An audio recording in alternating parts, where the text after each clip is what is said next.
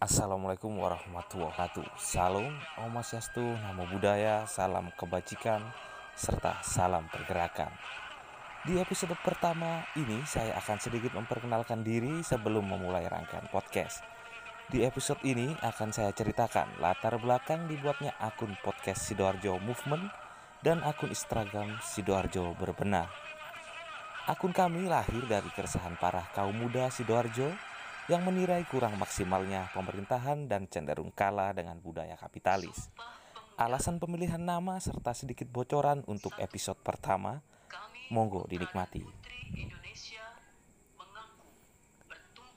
Berbicara mengenai pergerakan dan paham kiri atau oposisi dalam pemerintahan, memang seperti menyelam di dalam kolam yang keruh jika disandingkan dengan rezim pemerintahan sekarang melahirkan generasi hebat untuk meneruskan estafet kepemimpinan bangsa adalah harapan semua negara di dunia.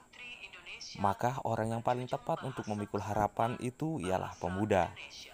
Peradaban hanya akan dilahirkan dari jiwa-jiwa kokoh yang siap berjuang dengan penuh gelora. Seorang ulama besar, Imam Sahid Hasan Al-Banna, pernah mengatakan setiap kebangkitan pemuda ialah piarnya. Di setiap pemikiran, pemudalah pengibar panji-panjinya. Pemuda merupakan komunitas manusia yang memiliki nafas panjang untuk bergerak, mampu beradaptasi secara tepat terhadap iklim zaman, melakukan eksperimen gerakan yang terukur untuk menciptakan perubahan. Pemuda ibarat matahari saat jam 12 siang, penuh semangat yang membara bak api bersinar paling terang dan paling panas kita tidak bisa melupakan sejarah besar bangsa Indonesia. Kemerdekaan bangsa ini dimulai dari keresahan kaum muda. Peristiwa Rengas Dengklok menjadi saksi sejarah bahwa pemuda tidak bisa lagi menahan kesabaran agar Soekarno segera memproklamasikan kemerdekaan. Semangat anak-anak muda inilah mengantarkan negara Indonesia kepada apa yang tertuang dalam pembukaan Undang-Undang Dasar 1945 pintu gerbang kemerdekaan.